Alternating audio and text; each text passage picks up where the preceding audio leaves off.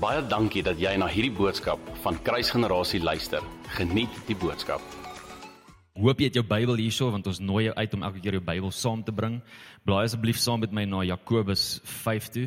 Ek ehm um, lees uit die New King James uit. Dis dis nou Jakobus 5 en nie Jakobus 5 nie. Okay, 5. Jakobus 5. Ehm um, ek wil vir ons 'n gedeelte lees. Die Here chat met my oor Ek gaan nou vir julle sê waar ek waar ek gaan preek. En uh, ek voel dat die Here juis wil hê ons moet hierdie boodskap bring vandag en hierdie woord oopbreek juis as as gevolg van waar ons is en um, as gevolg van dit wat gebeur het met ons konferensie. Right, maak seker jou notaboek is reg, jou pen is reg. Ehm um, maak seker jy gaan skryf die adressies neer. En ehm um, dat jy na die tyd weer kan gaan studie doen en ook self gaan oplees en gaan studeer op dit wat ek sê. Moenie net die pastoor glo nie.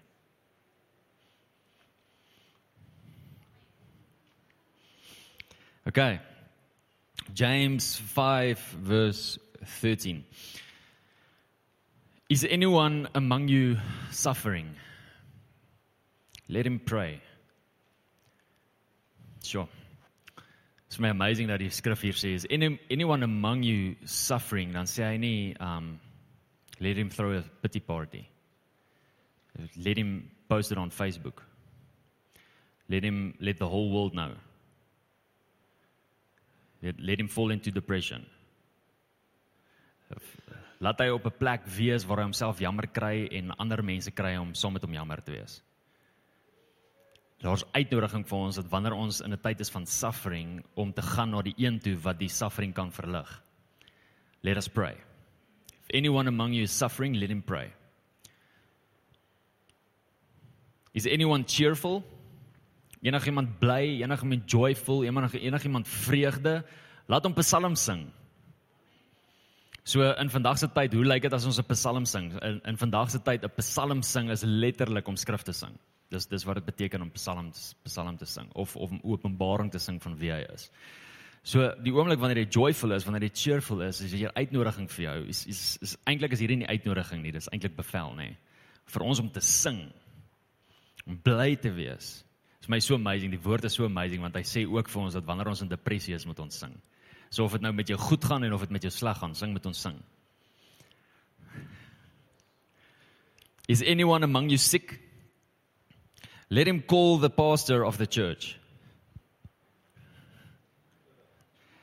Is anyone among you sick? Let him call the prophet. Is, is anyone among you sick? Let him call the healing evangelist of the church. No, is anyone among you sick? Let him call the elders of the church. And let them pray over him, anointing him with oil in the name of the Lord. Baie mense het al gevra, hoekom salf ons mense as ons vir hulle bid? Want die Bybel sê ons moet. Is daar krag in die olie? Nee, ons niks krag in die olie nie. Ja, maar die olie is simbolies van die een wat krag het en dis Heilige Gees. Vir my so amazing familie hoor gou hier, die oomblik wanneer ons hierdie lees, dan sien ons die volgende. Ons kan so maklik hierdie skrif gebruik um om sekere punte en sekere opinies in ons lewens te staaf. Ek het al gehoor hoe gelowiges sê, jy sien as jy siek is, mag jy nie dokter toe gaan nie. Um jy moet iemand moet vir jou bid, jy mag glad nie dokter. Dis nie wat die skrif hier sê nie. Wat wat wat Jakobus, Jesus se boetie, actually hier wil wakker maak in ons harte is die volgende dat ons heel eerste mindset die oomblik wanneer ek siek is, my heel eerste mindset moet wees bid vir my. Dis my heel eerste mindset. As ek as ek siek is om te gaan na die een wat die deurbraak het. As ek siek is om te gaan na die een wat genesing bring. Om om te as ek siek is om te gaan na die een wat die oorwinning op die kruis gebring het sodat ek kan gesond word. By whose stripes I am healed om na hom toe te gaan. Wanneer ek siek is om letterlik te vra dat mense vir my sal bid. Dis dis die mindset wat daar is. So is dit verkeerd om dokter toe te gaan? Glad nie. Dis glad nie verkeerd om dokter toe te gaan nie. Maar as ons vertroue in die dokter is voordat dit in God is, is daar 'n issue. Want dit beteken dat ek glo dat die God dat dat die dokter 'n groter hart het vir my as wat die dokter as dat die dokter 'n groter hart het vir my as wat God vir my het.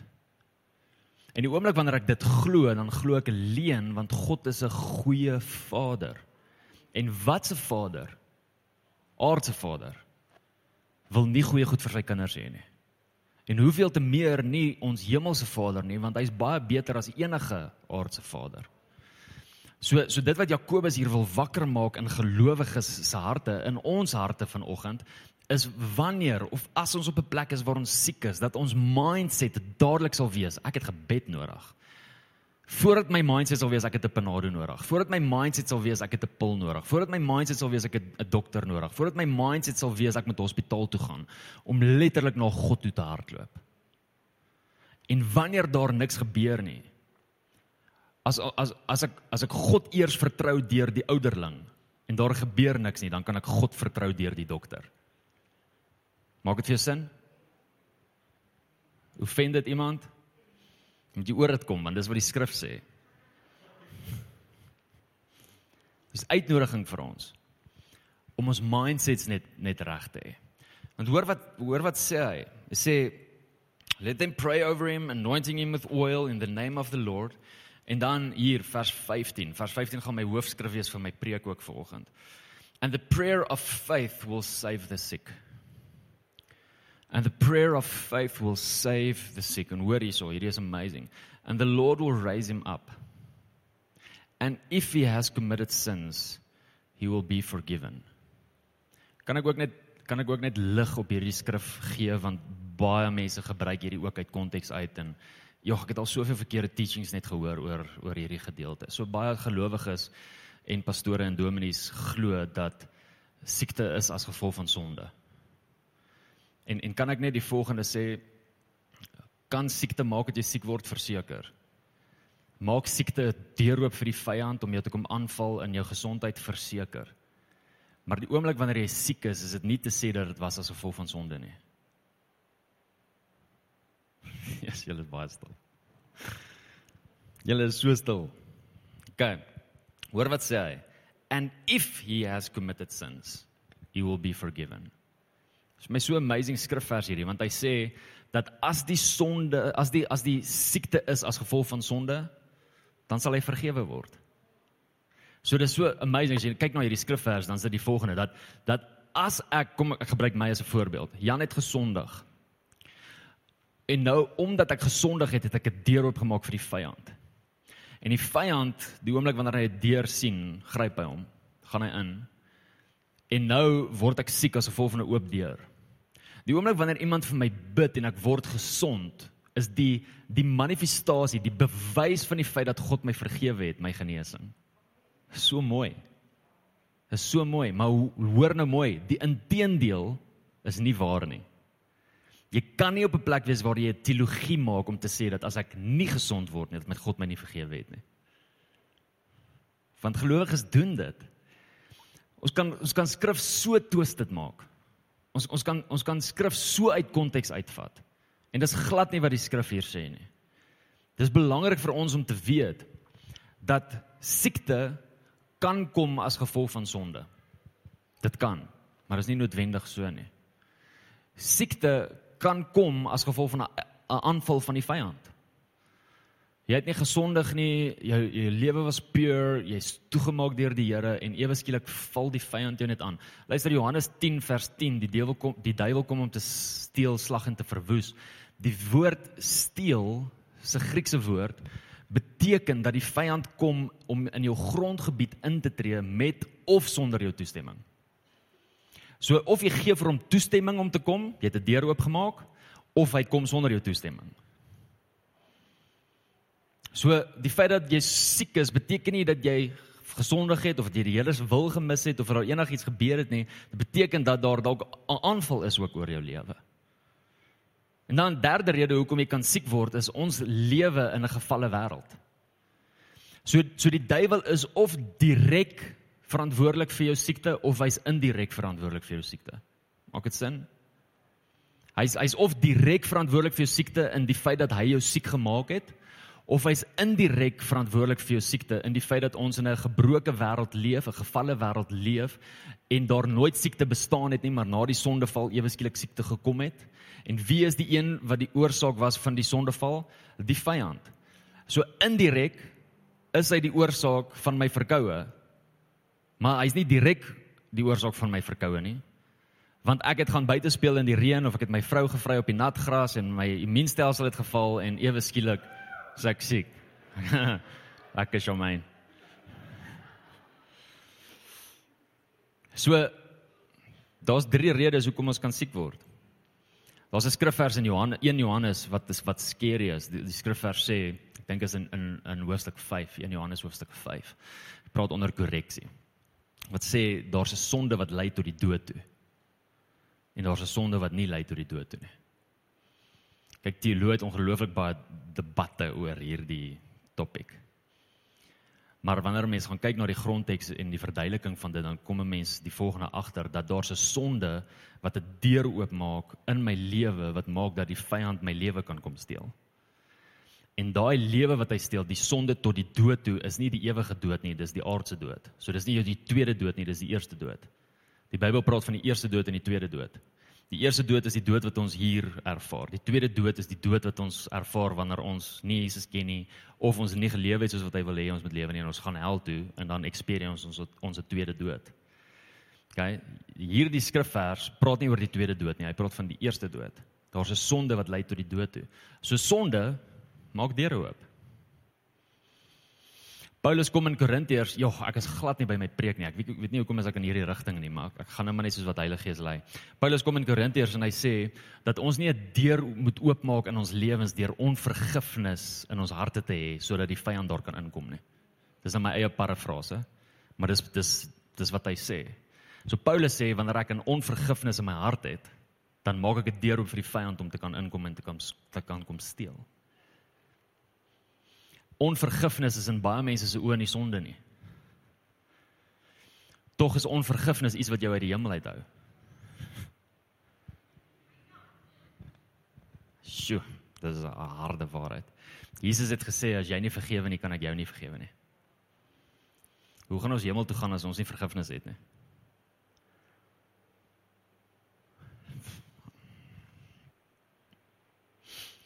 Vers 16 Confess your trespasses to one another and pray for one another.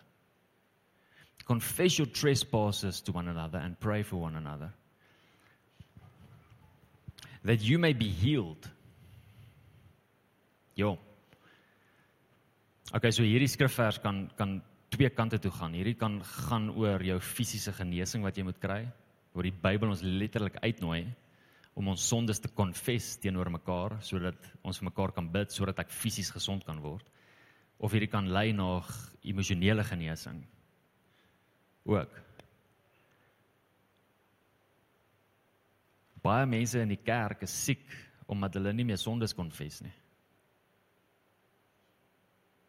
Baie mense in die kerk is siek omdat hulle nie meer sondes aan mekaar bely nie. Ek kan nie my sonde bely aan daai persoon nie. Daai persoon gaan vir almal sê Dis as dit so is, dan het ons 'n issue in die kerk want dit beteken niemand is mature nie. Want dit mature gelowige doen nie wat die duiwel doen nie. Die duiwel se werk is om jou sonde teen jou te hou. Dis wat die duiwel doen. 'n Mature gelowige doen nie dit nie. As jy dit doen, partner jy met die duiwel. So wanneer ek na 'n broer toe gaan of of na 'n suster toe gaan, die woord suster klink so oudtyds. Wanneer ek wanneer ek na iemand in die family toe gaan, so 'n nuwe taal. As ek na iemand in die family toe gaan en ek confess my sonde en sê ek sukkel regtig, regtig met lieg. Ek het 'n issue daarmee. Ek sukkel. Soos in elke situasie, in elke omstandighede van my lewe, lieg ek die hele tyd. En ek het nodig om hierdie te confess. Ek het nodig om hierdie ding wat in die duisternis is in die lig in te bring sodat want die oomblik is al iets in die lig is is die weight af. Gaan kyk. En wanneer dit in die lig is en ek confess hierdie aan jou dan sê ek vir jou hey help my. So twee goed. Bid vir my en hou my accountable. Dit help nie ek sê hierdie vir iemand wat ek net een keer 'n jaar sien nie want hulle gaan nie weet wanneer ek lieg nie Ek het nodig om hierdie te sê vir iemand wat elke dag saam met my is sodat hulle kan agterkom. Maar okay, Jan het nou al weer gelieg. So Jan, kom ek sê net gou weer vir jou hierdie en hierdie situasie, jy het al weer hier gelieg. Okay, accountability. Maar meer as accountability, gebed. Kerk het, het ons as 'n family, het ons as 'n kerk die waarde en die geloof in die feit dat wanneer ek vir iemand bid wat sukkel met 'n sonde, dat hulle vry kan kom. Glo ons in die krag van gebed? Of bid ons vir die persoon wat in sonde is sodat hy kan beter voel? Dis hoekom ons bid, want my taak as 'n gelowige is om te bid en ek wil net vir jou bid want ek wil hê jy moet beter voel. Of bid ek vir hierdie persoon want ek weet my gebed gaan hierdie persoon help om vry te kom. sien julle die mindsets verskil? Uitnodiging vandag. The effective fervent prayer of a righteous man avails much. The effective fervent prayer of a righteous man avails much. Elijah was a man with nature like ours, and he prayed earnestly that it would not rain, and it did not rain on the land for three years and six months.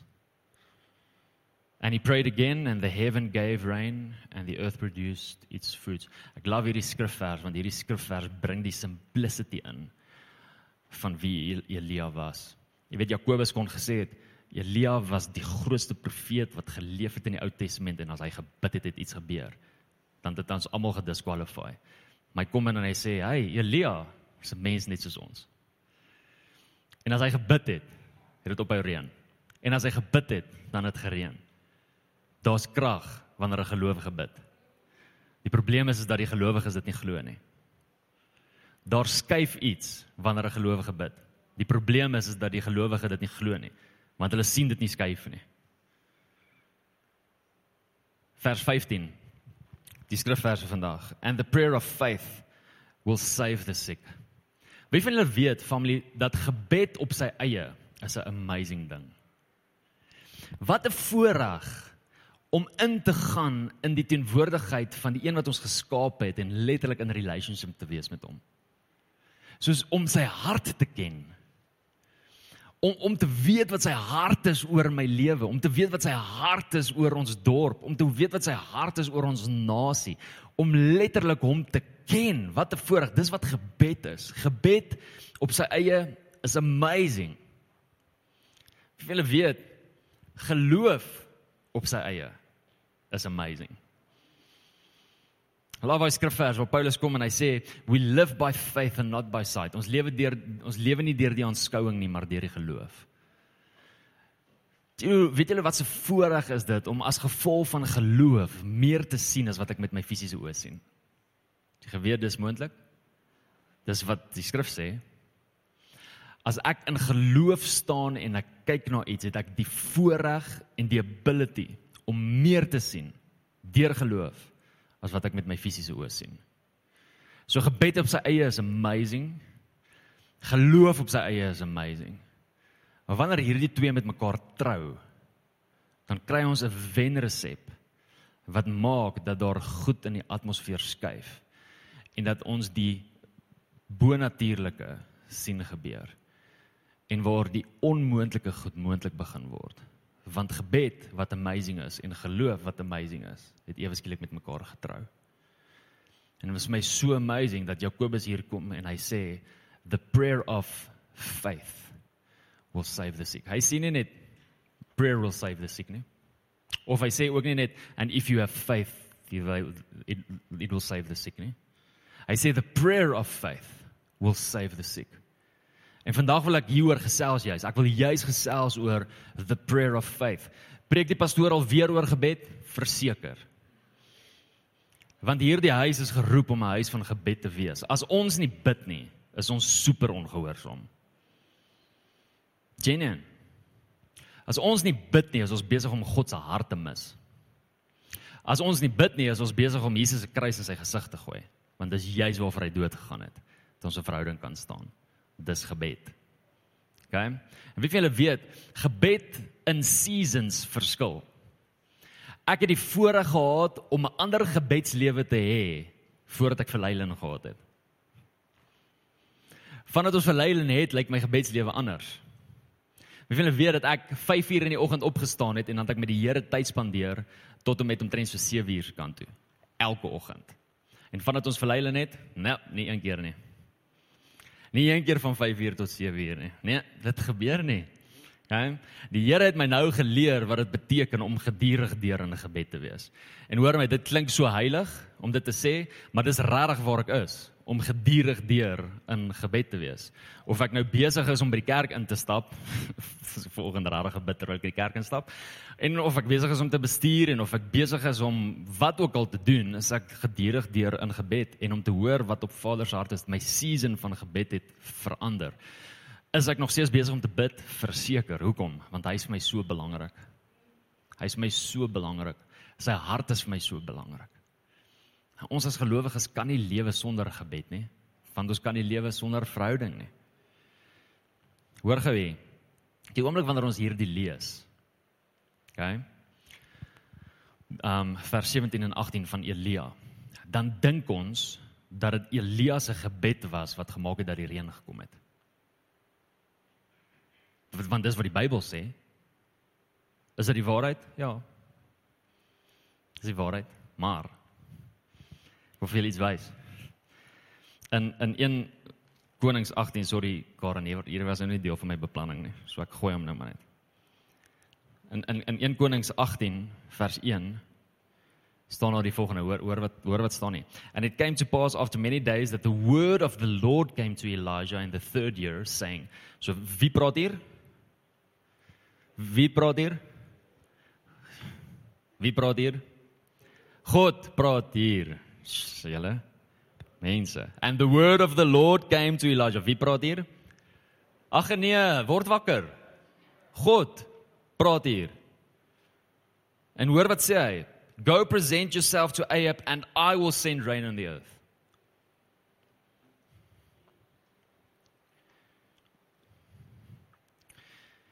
And he prayed again, and the heavens gave rain, and the earth produced its fruit. See, the Bible is contradicting. In die Ou Testament sê dit God het die reën gestuur en in die Nuwe Testament sê dit die reën het gekom want Elia het gebid. Dit gaan nie aan. Wat sê een is reg? Albei is reg. Jy sien want die skrywer van die die, boek Jakobus kom en hy en hy sê that the prayer of faith will save the sick en dan kom hy gee hy vir ons 'n voorbeeld van the prayer of faith. En hy wys vir ons Elia se lewe en hy wys vir ons hoe Elia gebid het in the prayer of faith. En wat is die verskil?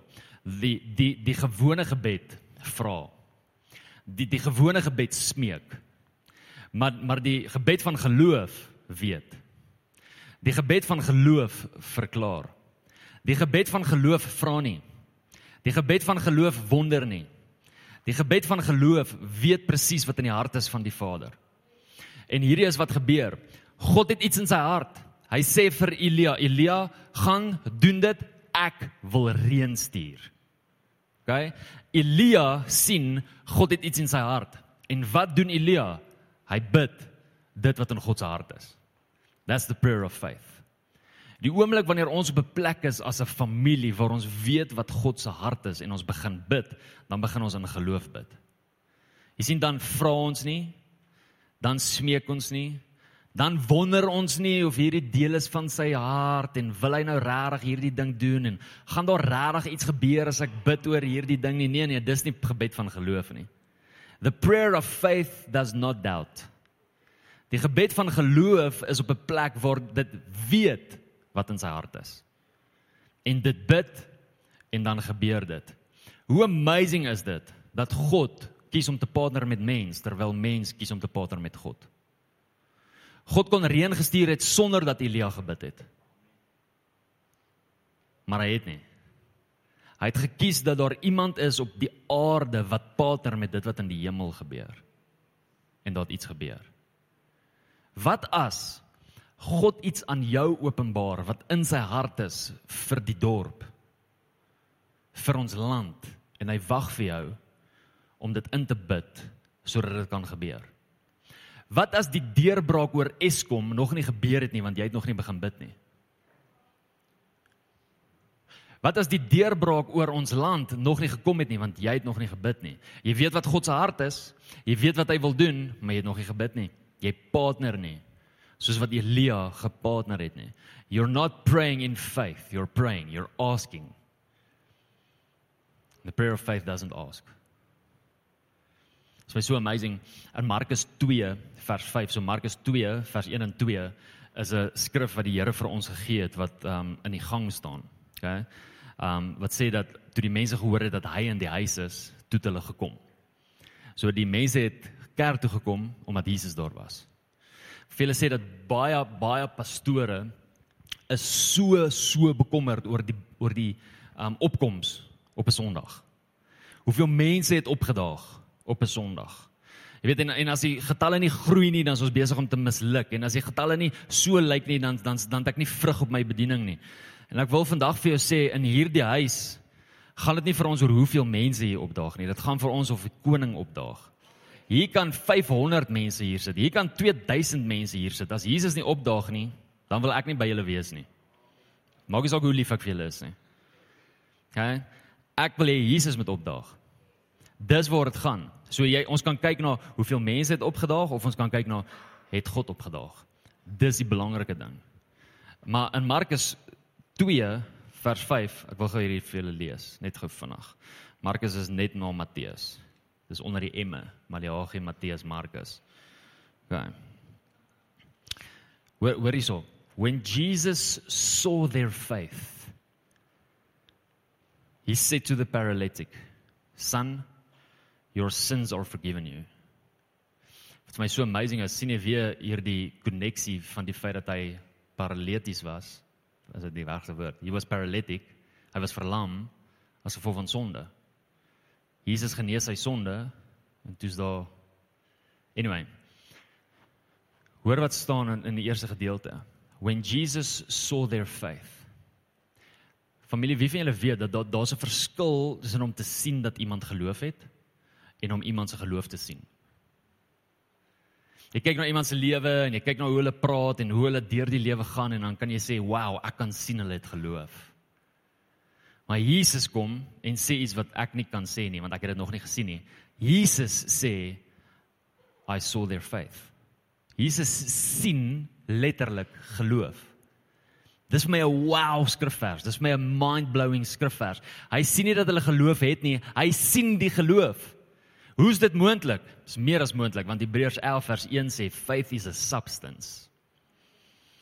Faith is a substance. Dis 'n dis 'n iets wat jy kan aanraak. Dis iets wat letterlik bestaan. Dit het molekules. Dit dit, dit dra iets. Maar nie hier nie. In in die geestesriem het geloof 'n gewig. En God sien in die geestesriem hierdie gewig raak. So die oomblik wanneer ek op 'n plek is waar ek gebed in geloof het, nê? The prayer of faith, die gebed van geloof, is ek nie net besig om uit verhouding uit te praat nie, ek's letterlik besig om toe te laat dat my gebed gewig dra in die gees. En God sien dit. En die oomblik wanneer my gebed geloof dra, daar's gewig in die gees en God en die hemele sien dit, partner hulle met dit. En dit reën. So wat gebeur het met Elia? Laaste skrifgie. Terug na Jakobus toe. Jakobus 1. Oor dis 'n skrifvers wat almal so goed ken.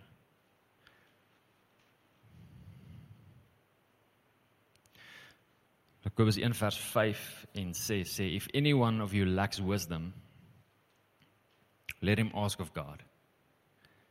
As jy wysheid kort, vra jou pastoor. As jy wysheid kort, vra jou pa. As jy wysheid kort, vra die wyse ou. Ja. As jy wysheid kort, vra vir God om vir jou wysheid te gee. Let him ask of God who gives to all liberally and without reproach.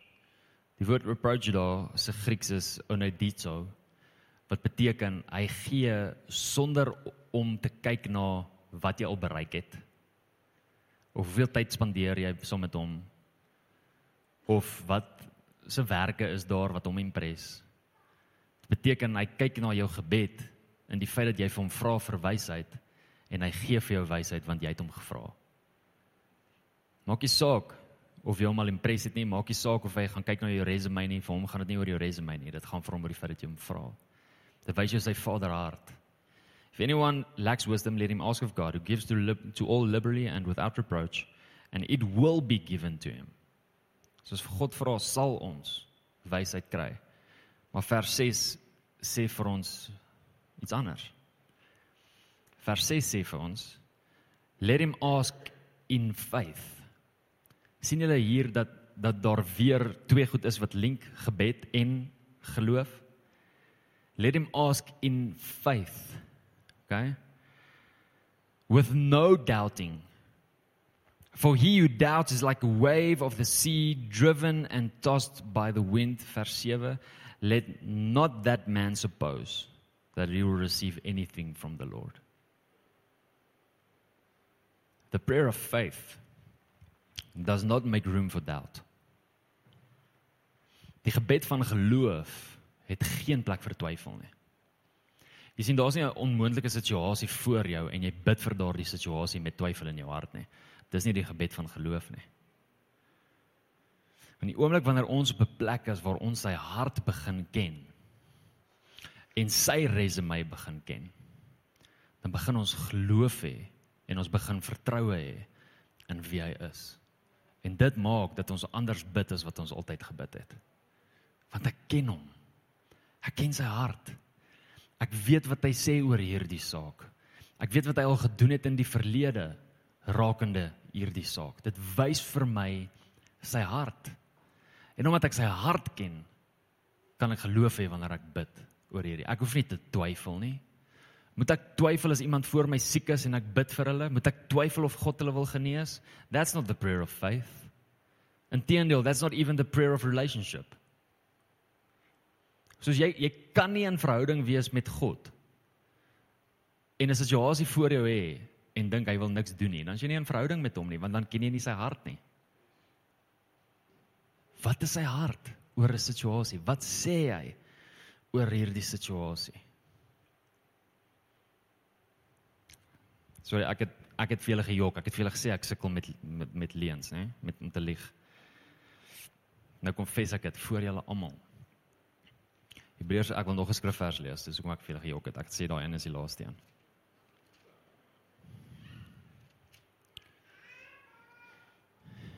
Hebrews 11 verse 6 but without faith it is impossible to please God. Without faith it is impossible to please him. Hoor hoor hierso, dan sê hy for he who comes to God must believe that he is and that he is a rewarder of those who diligently seek him. Hierdie skrifvers is letterlik 'n opsomming van dit wat ons nou net gelees het in Jakobus. Jakobus 5 en Jakobus 1. For he who comes to him, wie van julle weet dat ons na hom toe kom in gebed? OK? As ons in gebed na hom toe kom en ons kom sonder geloof in gebed na hom toe, dan gaan ons dit mis and it will not please him. En ons nie reward nie. For without faith it is impossible to please him. If we want to please him, we have to come in faith. So hoor hoor mooi by my familie. Wat sê God oor jou situasie? Wat sê God oor jou toekomsplanne? Wat sê God oor jou huweliksmaat? Wat sê God oor jou kinders? Wat sê God oor jou finansies? Wat sê God oor die omstandighede waarin jy is? Oor jou siekte? Oor jou depressie? Wat sê God oor hierdie goed? Van die oomblik wanneer jy weet wat hy oor hierdie goed sê, is jy op 'n plek waar jy anders gaan bid. You will have faith when you pray. En jy sal weet wat sy hart is. Maar jy moet weet en hoor wat sy hart is. Kan ek vir jou sê waar begin ons om sy hart te leer ken? Hierso. Hier sy hart. As jy sy hart wil leer ken hierso, hier sy hart. As jy wil sien hoe hy optree teenoor sondaars, gaan kyk wat het Jesus gedoen? Hoe het Jesus opgetree? As jy wil sien hoe tree hy op teenoor omstandighede en storms, gaan kyk wat het Jesus gedoen? Jesus sê Hy het niks gedoen as hy nie die Vader dit sien doen nie. So Jesus was die perfekte manifestasie van die Vader se hart. So as ons wil weet wat die Vader se hart is, kyk ons na Jesus en ons sien wat die Vader se hart is. Ons sien hoe Jesus en die Vader optree teenoor sondaars. Ons sien hoe hulle optree teenoor fariseërs, teenoor godsdienstiges. Ons sien hoe hulle optree teenoor sekere omstandighede, sekere storms, wanneer daar lek is, wanneer dit nodig is vir 'n wonderwerk om te gebeur. Wanneer mense hulle spot en selfs iets sê en verklaar en ander mense sê inteendeel en sê dit kan nie so wees nie. Hoe het hulle opgetree in sulke sulke situasies en sulke omstandighede? Wat het gebeur? Ons sien dit in die lewe van Jesus. We have to have the prayer of faith. En kan ek net vir julle die volgende sê, ek sien hierdie oor en oor en oor hoe gelowiges God wil deel maak van hulle prentjie en hulle storie. En hoe hulle gebedslewe gaan oor hulle prentjie en hulle storie. Kan ek net vir jou sê, God is groter as jou prentjie. God is groter as jou storie. Ek dien nie die Here omdat ek hom wil add teenoor my planne nie. Want ek weet my planne is so groot. My drome is so groot. Ek het God nodig vir hierdie drome. Waarmee is ek besig? Is hy my genie? Is hy die, is hy die een wat my help om my begeertes te laat gebeur? Is dit waar dit gaan? Is is hy is hy 'n afgod vir my wat my help om my goddelike drome nou weet te laat gebeur? Is is hy die een wat my help om my koninkryk te bou? Of is ek die een wat hom help om sy koninkryk te bou? Ek sien hierdie oor en oor in gelowiges se lewens. Oor en oor. Hoe mense God soek vir hulle win. Hoe mense God nodig het en uitroep na hom toe want want hulle soek deurbraak. Hulle soek voorsiening. Hulle soek blessings. Hulle soek 'n woord. Hulle wil weet alles gaan oukei okay wees. Dit gaan nie oor jou nie. Dit gaan nie oor my nie. Dis nie waar dit gaan nie. Dit gaan I'm not adding him to my life. Ek het die voorreg om ge-add word tot sy storie. God het 'n plan. God het 'n storie. Daar's goed wat afspeel in hierdie wêreld wat geprofeteer is in hierdie boek. Weet dit of nie, word wakker. Dit goed gebeur. Die eindtyd is nader as wat dit 2000 jaar terug was. En ons het 'n rol om te speel volgens dit wat in sy hart is. Ons het nie tyd om godsdienstigheid te maak oor ons nie. Ons het nie tyd om hom by ons te wil add nie. O, oh, Here, asseblief, ek soek hierdie deurbraak by my werk of ek soek hierdie promotion by my werk of sal jy vir my net hierdie deur oopmaak want as jy hierdie deur oopmaak dan gaan dit weer met my goed gaan weet.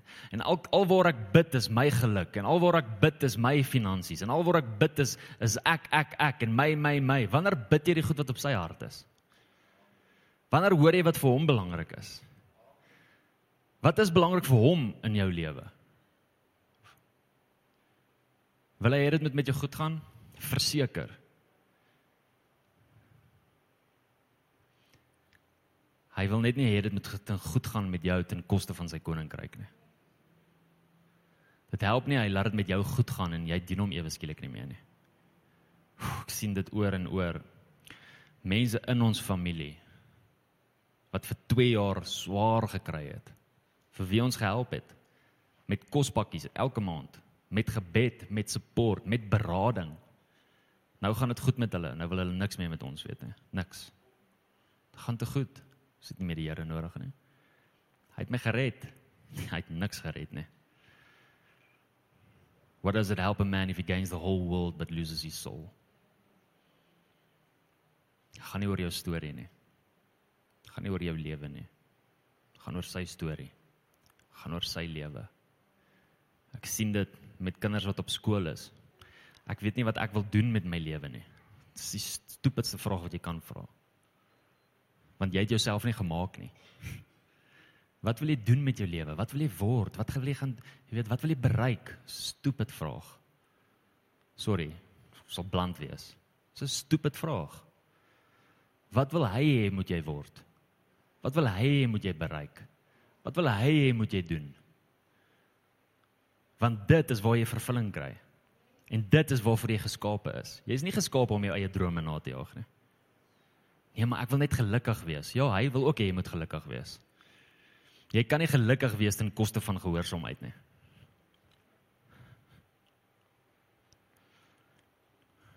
So wat sê hy?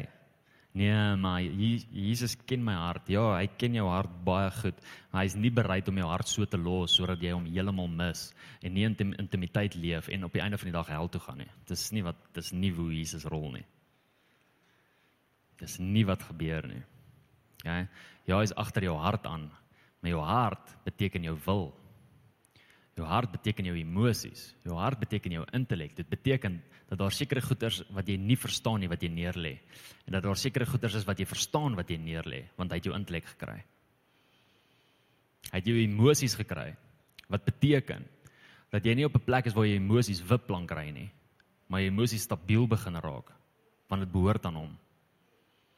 Hy het jou wil gekry wat beteken dat jy nie meer die reg het om self keuses te maak oor jou lewe nie. Want as jy self keuses maak oor jou lewe, het jy nie jou wil vir hom gegee nie. Dan het jy dit weer teruggevat. En hy het nie dood gegaan vir dit nie. Hy het dood gegaan vir jou wil. Hy het dood gegaan vir jou hart. Dit beteken dat ek op 'n plek is waar ek my hele wil vir hom los. En hoor jy, hoor jy, dat ek op 'n plek sal wees waar ek vertroue sal hê in hom dat sy planne oor my lewe baie beter is as my eie planne oor my lewe. Hoor hierdie. Almal van julle, ek wil nou nie meer net op die jong mense piek nie. Almal van julle moet hierdie hoor. God se plan vir jou lewe is beter as jou eie plan. God se plan vir jou lewe is mooier as jou eie plan. God se plan vir jou lewe het baie meer joy as jou eie plan. God se plan vir jou lewe het baie meer vryheid as jou eie plan. Nee, maar as ek hom volg, dan is my vryheid daarmee heen. Nee, jou vryheid is juis daarmee heen as jy nie in hom is nie. Wanneer ek my wil vir hom gee, dan is ek eers vry. Wanneer ek my wil vir myself hou, dan is ek in bondage. I'm so limited. Ek weet nie wat die dag van môre aanhou inhou nie. Ek weet nie. Ek weet nie wat volgende jaar inhou nie. I don't know. But he knows. En daarom weet hy wat hy vir my kan sê wat ek moet doen, hoe ek moet optree. dat jy na hierdie podcast geluister het. Indien jy die boodskap geniet het, deel hom asseblief met jou vriende.